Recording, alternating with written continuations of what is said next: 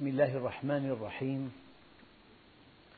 الحمد لله رب العالمين والصلاة والسلام على سيدنا محمد الصادق الوعد الأمين.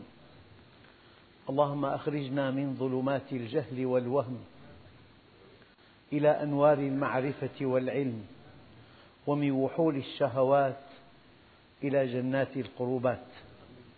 أيها الإخوة الكرام مع الدرس الرابع من دروس سورة التوبة ومع الآية الأولى وهي قوله تعالى براءة من الله ورسوله إلى الذين عاهدتم من المشركين. قد يسأل سائل لم سميت هذه السورة بسورة التوبة مع أنها تفتتح ببراءة الله عز وجل إلى الذين عاهدتم من المشركين. قال بعض العلماء الله عز وجل ما فتح باب التوبة إلا ليتوب على المذنبين. ما فتح باب التوبة إلا ليتوب على المذنبين. ولا فتح باب المغفرة إلا ليغفر لهم. وما فتح باب الصلح معه إلا ليصطلح معهم فكأن الله سبحانه وتعالى أرادنا أن نتوب. لذلك قال تعالى والله يريد أن يتوب عليكم. تصور أن هذا الدين العظيم ليس فيه توبة. ما الذي يحصل؟ يقع المذنب باليأس. فإذا وقع باليأس تفاقمت ذنوبه وكان في ذنب بسيط فأصبح يرتكب الكبائر لأنه لا توبة له. فلذلك الله عز وجل فتح باب التوبة. والحقيقة الإنسان حينما يذنب الذي يغطي هذا الذنب التوبة. والله عز وجل يحب التوابين. ويحب المتطهرين. وقد ورد في الأثر القدسي إني والإنس والجن في نبأ عظيم أخلق ويعبد غيري وأرزق ويشكر سواي. خيري إلى العباد نازل وشرهم إلي صاعد أتحبب إليهم بنعمي. وأنا الغني عنهم. ويتبغضون إلي بالمعاصي وهم أفقر شيء إلي. من أقبل علي منهم تلقيته من بعيد ومن أعرض عني منهم ناديته من قريب. أهل ذكري أهل مودتي أهل شكري أهل زيادتي أهل معصيتي لا أقنطهم من رحمتي. الآن دققوا. إن تابوا فأنا حبيبهم. لأنه يحب التوابين. إن تابوا فأنا حبيبهم. وإن لم يتوبوا فأنا طبيبهم. فالله جل جلاله بحسب هذا النص حبيب أو طبيب. حبيب إن تبت إليه وطبيب إن لم تتب إليه. أبتليهم بالمصائب لأطهرهم من الذنوب والمعايب. الحسنة عندي بعشرة أمثالها وأزيد والسيئة بمثلها وأعفو وأنا أرأف بعبدي من الأم بولدها. لذلك مهما يكن الذنب كبيرا لأن الله عز وجل يقول وسعت رحمتي كل شيء. والذنب شيء. مهما كان الذنب كبيرا. والدليل آخر قل يا عبادي الذين أسرفوا على أنفسهم لا تقنطوا من رحمة الله. إن الله يغفر الذنوب جميعا جميعا مهما كثرت ومهما كبرت. مهما كثرت ومهما كبرت.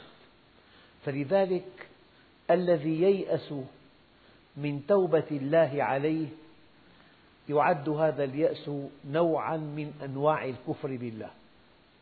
الذي ييأس من توبة الله أو من قبول توبة الله يعد هذا اليأس نوعا من الكفر. فاليأس والإحباط وعدم المبادرة إلى التوبة جهل كبير بكمال الله عز وجل. والدليل والله يريد أن يتوب عليكم. يريد. بل ينتظركم ورد بالأثر القدسي. لو يعلم المعرضون انتظاري لهم وشوقي إلى ترك معاصيهم. لتقطعت أوصالهم من حبي ولماتوا شوقا إلي هذه إرادتي بالمعرضين فكيف بالمقبلين؟ إذا قال العبد يا رب وهو راكع يقول الله له لبيك يا عبدي. فإذا قال يا رب وهو ساجد يقول الله له لبيك يا عبدي. فإذا قال يا رب وهو عاص يقول الله له لبيك ثم لبيك ثم لبيك. لا تعلم أيها الأخ كما ورد في الحديث الصحيح لله أفرح بتوبة عبده المؤمن من الضال الواجد والعقيم الوالد والظمآن الوارد. يعني ضال ضل عنه شيء ثمين جدا. يعني إنسان في الصحراء ضلت عنه ناقته. النتيجة موت محقق. موت محقق. لله أفرح بتوبة عبده من الضال الواجد والعقيم الوالد. له في زواجه عشرون عاما لم ينجب. ثم فوجئ بأن زوجته حامل. هذا العقيم الوالد. والذي أوشك على الموت عطشا ثم اهتدى إلى نبع ماء. لله أفرح بتوبة عبده من الضال الواجد والعقيم الوالد والظمآن الوارد. بل إن النبي عليه الصلاة والسلام في الحديث الصحيح يروي قصة أعرابي أراد أن يقطع الصحراء على ناقة له وعلى ناقته طعامه وشرابه وزاده. أدركه التعب جلس ليستريح أخذته سنة من النوم فأفاق فلم يجد الناقة. أيقن بالهلاك وبكى وبكى حتى أخذته سنة نوم ثانية فأفاق فرأى الناقة. فمن شدة فرحه نطق بالكفر قال يا رب أنا ربك وأنت عبدي. يقول عليه الصلاة والسلام كتعليق قال الله أفرح بتوبة عبده من هذا البدوي بناقته. هل هناك من وضوح؟ أشد من هذا الوضوح. والله يحب التوابين. والله يريد أن يتوب عليكم. النقطة الدقيقة في آية ثانية. قل يا عبادي الذين أسرفوا على أنفسهم لا تقنطوا من رحمة الله. إن الله يغفر الذنوب جميعا. فالذنب يقابله التوبة. مهما كبر أو مهما كثرت الذنوب فأسماء الله الحسنى أحيانا تأتي بصيغ المبالغة. الله عز وجل تواب صيغة مبالغة. والمبالغة المتعلقة بأسماء الله الحسنى تعني مبالغة كم أو مبالغة نوع. يعني مليون ذنب أو أكبر ذنب.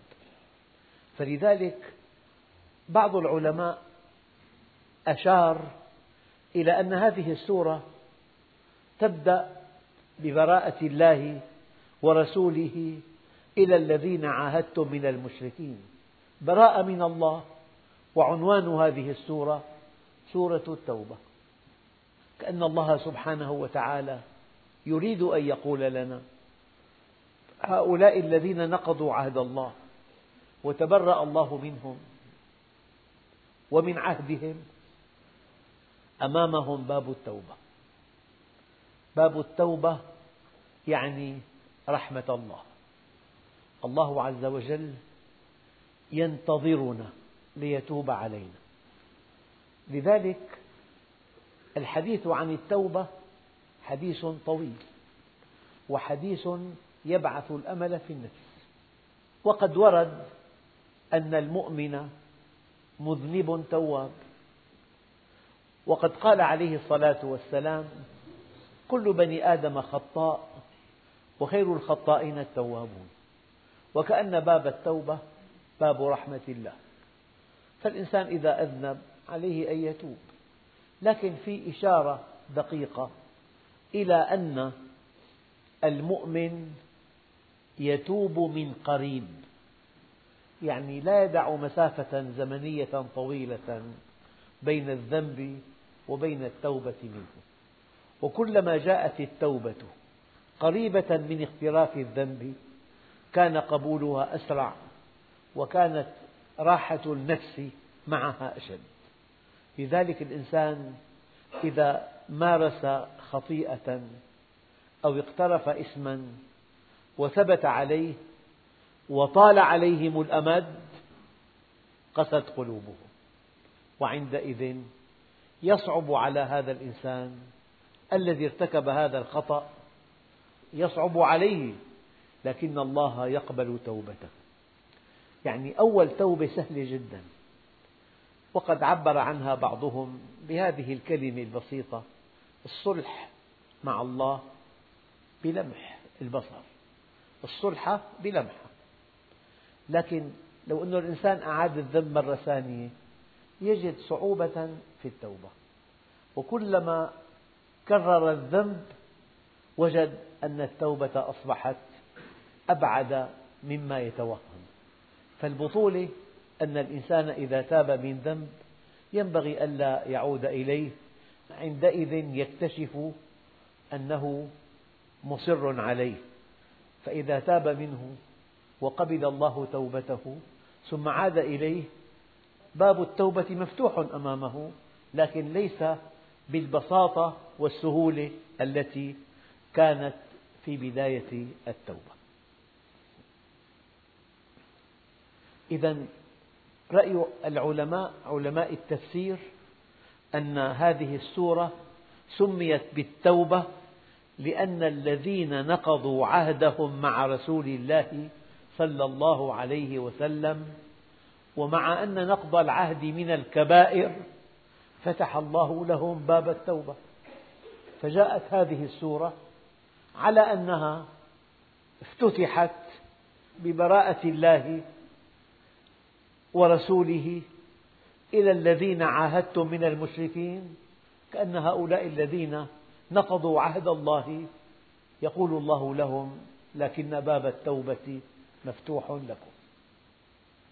شيء آخر هناك ذنب يغفر وذنب لا يترك وذنب لا يغفر. أما الذنب الذي يغفر ما كان بينك وبين الله. وأريد أن أبين للإخوة الكرام أن هناك وهما وقع به بعض المسلمين. هذا الوهم أنه إذا حج بيت الله الحرام رجع من ذنوبه كيوم ولدته أمه. الحديث صحيح. لكن أي ذنوب؟ الذنوب التي بينه وبين الله وحده. هذه تغفر عقب الصيام وعقب الحج. فالتوبة تعني أنه ما كان بينك وبين الله من الذنوب تغفر لمجرد أن تتوب إلى الله. لكن في آيات فيها ملمح يغفر لكم من ذنوبكم. هذه المن للتبعيض. يعني يغفر لكم بعض ذنوبكم. يعني يغفر لكم ذنوبا كانت بينكم وبين الله. أما الذنوب التي بينكم وبين العباد حقوق لم تؤدى واجبات لم تؤدى قرض حسن لا يؤدى الذنوب التي بينك وبين العباد وكلامي دقيق جدا هذه الذنوب لا تغفر إلا بأحد حالتين بالأداء أو بالمسامحة. أبدا. ما كان بينك وبين العباد هذه الذنوب لا تغفر إلا بالأداء أو المسامحة. تؤدي هذا القرض الذي اقترضته يتوب الله عليك. أو يأتي صاحب الدين يقول لك سامحتك ونزلت لك عن هذا الدين الله عندئذ يغفر. أما ما كان بينك وبين العباد هذه الذنوب لا تغفر إلا بالأداء أو المسامحة لأن هناك منطلقا دقيقا وهو أنه ما كان بينك وبين الله هذا مبني على المسامحة. وما كان بينك وبين العباد هذا مبني على المشاحة لأن حقوق العباد ينبغي أن تؤدى. لذلك قد لا تصدقون أنه شيء غريب. هذا الذي ضحى بحياته في سبيل الله. فكان شهيدا ضحى بحياته والجود بالنفس أقصى غاية الجود. الإنسان أيام يضحي بماله ينفق ماله كله. يا أبا بكر ماذا أبقيت لنفسك؟ قال الله ورسوله. ما خلى شيء. لكن أحيانا الإنسان يجود لا بماله بل بروحه. بحياته. فجاء الحديث يغفر للشهيد كل ذنب إلا الدين. شهيد ضحى بحياته وضع روحه على كفه قدم لله حياته قدم لله أثمن ما يملك لكن عليه دين يغفر للشهيد كل ذنب إلا الدين. بل كان عليه الصلاة والسلام حينما يموت أحد أصحابه وهو في نية الصلاة عليه يقول لإخوانه إخواني الميت أعليه دين؟ فإن قالوا نعم لا يصلي عليه. يقول صلوا على صاحبكم. شهيد بذل حياته في سبيل الله من أجل أن تعلموا كم حقوق العباد عند الله مقدسة. لذلك ما كان بينك وبين الله القضية سهلة جدا لأن ما كان بينك وبين الله مبني على المسامحة. لكن ما كان بينك وبين العباد مبني على المشاححة. فذنب يغفر ما كان بينك وبين الله. وذنب لا يترك ما كان بينك وبين العباد. هذا الذنب الذي لا يترك إما أن تؤدي ما عليك أو أن يسامحك الذي له حق عندك. إلا أن الخطورة في الذنب الثالث. وذنب لا يغفر وهو الشرك بالله. وأذكر دائما مثلا يوضح هذه الحقيقة. يعني إنسان له مبلغ كبير في حلب ركب قطار حلب. اشترى بطاقة من الدرجة الأولى.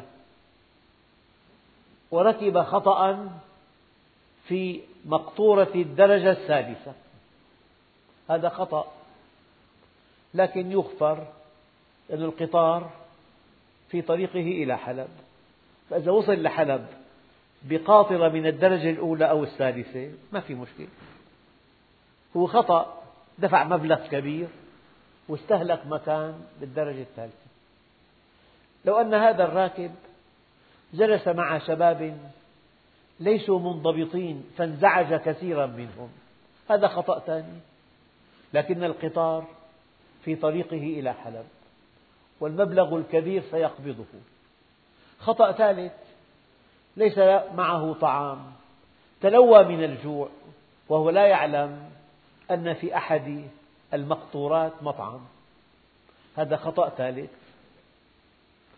لكن القطار باتجاه حلب وسيصل إلى حلب وسيأخذ المبلغ. في خطأ رابع ركب بعكس اتجاه القطار أصيب بالدوار. هذا خطأ رابع. لكن القطار يتحرك نحو حلب وسيصل إلى حلب في الوقت المناسب وسيقبض المبلغ. كل هذه الأخطاء هي صعبة تدفع مبلغ ضخم تركب بمقطورة من الدرجة الثالثة تجلس مع شباب غير منضبطين. تصاب بالدوار تتلوى من الجوع. لكن في النهاية القطار سيصل إلى حلب وستأخذ المبلغ الكبير. أما في خطأ لا يغفر. أن تركب قطار درع. ما في شيء. لا في قبض ولا في شيء تأخذه في هذا الاتجاه. هذا الشرك بالله يعني الشرك أن تتجه إلى غير الله. غير الله ليس عنده شيء. المشكلة الإنسان إذا اتجه إلى الله الله بيده كل شيء. بيده زواجك بيده سعادتك بيده صحتك بيده التوفيق بيده التأييد بيده الحفظ. بيده كل ما تتمناه كل مطامحك عند الله فإذا كنت معه كان معك. يعني الله عز وجل يريدنا أن نتجه إليه فإذا اتجهنا إليه غفر لنا كل الذنوب. أما إذا اتجهنا إلى غيره ليس هناك شيء لذلك ذنب يغفر ما كان بينك وبين الله وذنب لا يترك ما كان بينك وبين العباد يغفر بإحدى حالتين بالأداء أو المسامحة وذنب لا يغفر وهو ذنب الشرك.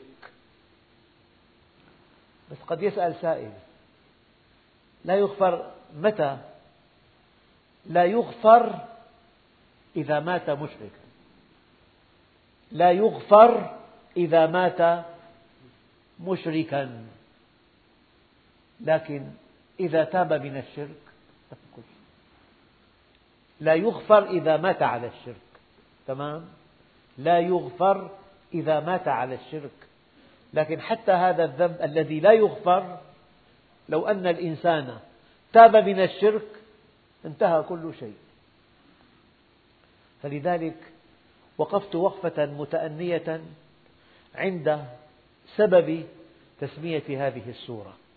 كأن الله يقول لهؤلاء الذين نقضوا عهدهم مع رسول الله ونقض العهد من أكبر الكبائر حتى هذا الذنب قابل للتوبة.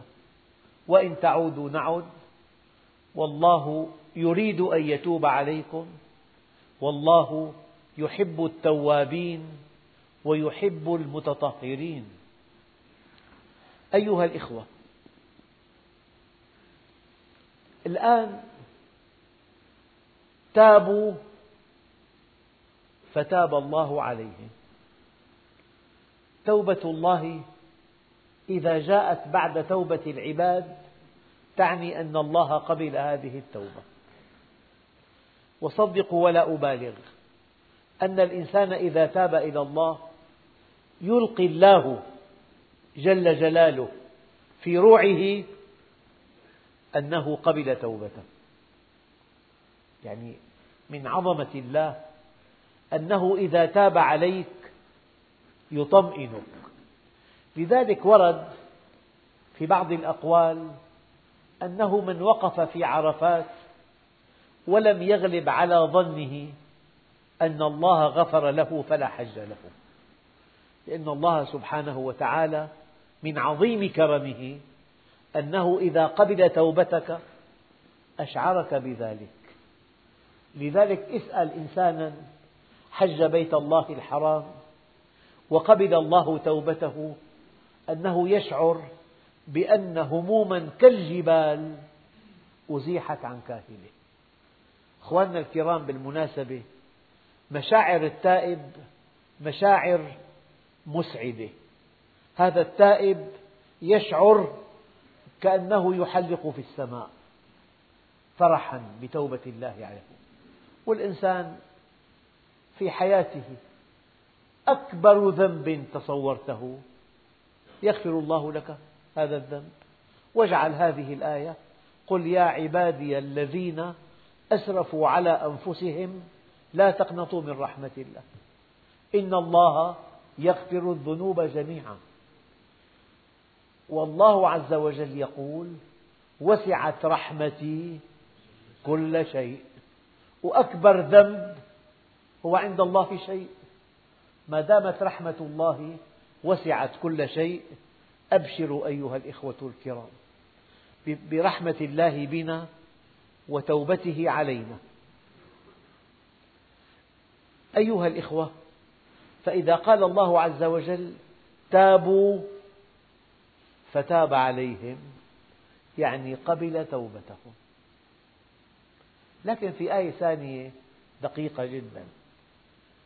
تاب عليهم ليتوبوا. ما معنى تاب عليهم ليتوبوا؟ المعنى دقيق. يعني الله عز وجل رحمة بهذا الإنسان يسوق له في الحياة الدنيا من الشدائد ما يحمله على التوبة. دقق يسوق له من الشدائد ما يحمله على التوبة. وكل إنسان في عنده نقطة ضعف. في إنسان نقطة ضعفه في ماله. فإذا ذهب ماله خر لله ساجدا وتائبا. في إنسان صحته في إنسان بيته في إنسان مكانته. الله عز وجل يسوق لهذا الإنسان مصيبة من الجهة التي يحرص عليها تماما. لذلك الله عز وجل خبير. وكلمة مصيبة ما سميت مصيبة إلا لأنها تصيب الهدف. يعني اعلم علم اليقين أن المؤمن لا يمكن إلا أن يبتليه الله. فإذا ضعفت عبادته وضعفت استقامته يسوق له من الشدائد ما يحمله بها على التوبة. مرة الإمام الغزالي يقول يا نفس لو أن طبيبا منعك من أكلة تحبينها لا شك أنك تمتنعين. أيكون الطبيب أصدق عندك من الله؟ إذا فما أكثرك؟ أيكون وعيد الطبيب إن لم تضبط طعامك هناك أزمة قلبية؟ أيكون وعيد الطبيب أشد عندك من وعيد الله؟ إذا فما أجهلك. فأي إنسان لا يتوب مدموغ عند الله بالكفر بهذه النعمة الكبيرة جدا نعمة التوبة والجهل. أنت مع إنسان إذا عفى عنك تذوب محبة له. يعني واحد في عليه 23 مليون. صاحب هذا المبلغ قال له مسامح. يختل توازنه. يا الله عز وجل حينما يقول قل يا عبادي الذين أسرفوا على أنفسهم لا تقنطوا من رحمة الله إن الله يغفر الذنوب جميعا. بل إن الله يحب التوابين. بل إن الله يحب المتطهرين. بل إن الله يريد أن يتوب عليكم. فلذلك أيها الإخوة إذا قلنا تاب عليهم ليتوبوا يعني ساق لهم من الشدائد ما يحملهم بها على التوبة. تعليق ادخل إلى مسجد. صدق ولا أبالغ. تسعون بالمئة من رواد المسجد ساقهم الله إلى بيته بطريقة رائعة. يعني لاح له شبح مصيبة فبادر إلى طاعة الله. لاح له شبح مرض فبادر إلى التوبة. فالله عز وجل يسوق من الشدائد ما يحملنا بها على الطاعة. لذلك بطولتك أن تستجيب لخطة الله عز وجل التي تعني أن الله يريدك أن تتوب أن تقبل عليه أن تقلع عن الذنب. الله عنده وسائل يسوقها تباعا وهذا من نعمة الله عز وجل. أخواننا الكرام يعني كأن هناك مراحل يخضع لها المؤمن. أخواننا الكرام إذا إذا قال الله عز وجل في آيات كثيرة تابوا فتاب الله عليهم أي قبل توبتهم. أما إذا ورد أنه تاب عليهم ليتوبوا يعني من رحمته بنا يسوق لنا من الشدائد ما يحملنا بها على التوبة. لذلك ورد في الحديث القدسي الصحيح يا عبادي لو أن أولكم وآخركم وإنسكم وجنكم وقفوا على صعيد واحد وسألني كل واحد منكم مسألة ما نقص ذلك في ملكي إلا كما ينقص المخيط إذا غمس في مياه البحر. يعني إبرة غمستها في مياه البحر. ذلك لأن عطائي كلام وأخذي كلام. الآن دققوا. فمن وجد خيرا فليحمد الله. ومن وجد غير ذلك فلا يلومن إلا نفسه. هذا حديث دقيق جدا. ومن وجد غير ذلك لا تقول ما لي حظ لا تقول اليوم الدهر يومان يوم لك ويوم عليك كلام ما له معنى إطلاقا. لا تقول قلب لي الدهر ظهر المجن لا تقول سخر القدر مني كله كلام ما له معنى إطلاقا. فمن وجد خيرا فليحمد الله ومن وجد غير ذلك فلا يلومن إلا نفسه. لذلك الله عز وجل غني عن تعذيبنا. يقول الله عز وجل ما يفعل الله بعذابكم إن شكرتم وآمنتم وكان الله شاكرا عليما. غني عن تعذيبنا. أي شيء لا ترتاح له ابحث عن المشكلة التي سببت هذا الشيء. ابحث عن المخالفة ابحث عن المعصية. هذا الذي يمكن أن يكون سببا لما يعاني الإنسان. أيها الإخوة الكرام لكن في النهاية الإنسان إذا أعاد الذنب كثيرا صعبت عليه التوبة. فليوطن نفسه أنه إذا تاب من ذنب ألا يعود إليه لأن الله سبحانه وتعالى يقبل التائب لمجرد أن يقول كلمة واحدة. يا رب لقد تبت إليك. فكأن الله سبحانه وتعالى يخاطبه ويقول يا عبدي وأنا قد قبلت. إذا أكبر باب يعني رحمة الله باب التوبة. مفتوح على مصاريعه إلى يوم القيامة. فالإنسان ما عليه إلا أن يراجع نفسه وأن يتوب ويتوجه إلى الله عز وجل.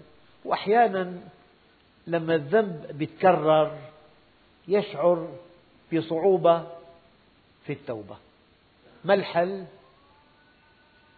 الحل وأتبع السيئة الحسنة تمحها صرت بحاجة إلى التوبة وإلى عمل صالح إلى صدقة إلى صيام. فلما يحس الإنسان أن الذنب وقع به كثيرا وكأن الله لا يقبل توبته يضيف للتوبة عمل صالح أو يضيف صدقة. وأتبع السيئة الحسنة تمحها وخالق الناس بخلق حسن. أخواننا الكرام في هذه السورة سورة التوبة حوار مع المشركين ومع أهل الكتاب ومع المنافقين وكأن هذه السورة أعطت لهذه الأصناف الثلاثة الكفار المشركون المنافقون المؤمنون خصائصهم. يعني هذه السورة تتميز أنها قدمت نماذج مع تفاصيل دقيقة جدا للمنافقين. وقدمت نماذج للمؤمنين ونماذج للكافرين. المؤمن صادق مع نفسه ومع الحقيقة فهو المؤمن. الكافر لعله صادق مع نفسه لكن ليس صادقا مع الحقيقة. هذا الكافر. أما المنافق إنسان مذبذب. لا إلى هؤلاء ولا إلى هؤلاء. وكأن الله سبحانه وتعالى في مطلع سورة البقرة وصف المؤمنين بآيتين أو ثلاثة والكفار بآيتين أما المنافقين وصفهم بثلاث عشرة آية وصف بها المنافقين. فهذه السورة فضلا عن أنها فتحت باب التوبة لمن نقض عهده مع رسول الله هذه السورة شرحت خصائص المؤمنين والكفار المشركين والمنافقين. أيها الإخوة شيء آخر في هذه السورة الله عز وجل وضح لنا معنى الربوبية. فالربوبية إمداد كل العباد بما يحتاجون. ربنا اجعل هذا البلد آمنا. وارزق أهله من الثمرات. من آمن منهم بالله واليوم الآخر قال ومن كفر. هذه الدنيا للجميع. الدنيا عرض حاضر يأكل منه البر والفاجر والآخرة وعد صادق يحكم فيها ملك عادل. لذلك الخير في الآخرة للمؤمنين فقط. أما في الدنيا الجميع يأكل ويشرب. فالبطولة أن تكون مؤمنا في الدنيا حتى تستحق جنة عرضها السماوات والأرض والحمد لله رب العالمين. بسم الله الرحمن الرحيم. الحمد لله رب العالمين والصلاة والسلام على سيدنا محمد الصادق الوعد الأمين. اللهم أعطنا ولا تحرمنا أكرمنا ولا تهنا آثرنا ولا تؤثر علينا أرضنا وارض عنا. وصلى الله على سيدنا محمد النبي الأمي وعلى آله وصحبه وسلم والحمد لله رب العالمين الفاتحة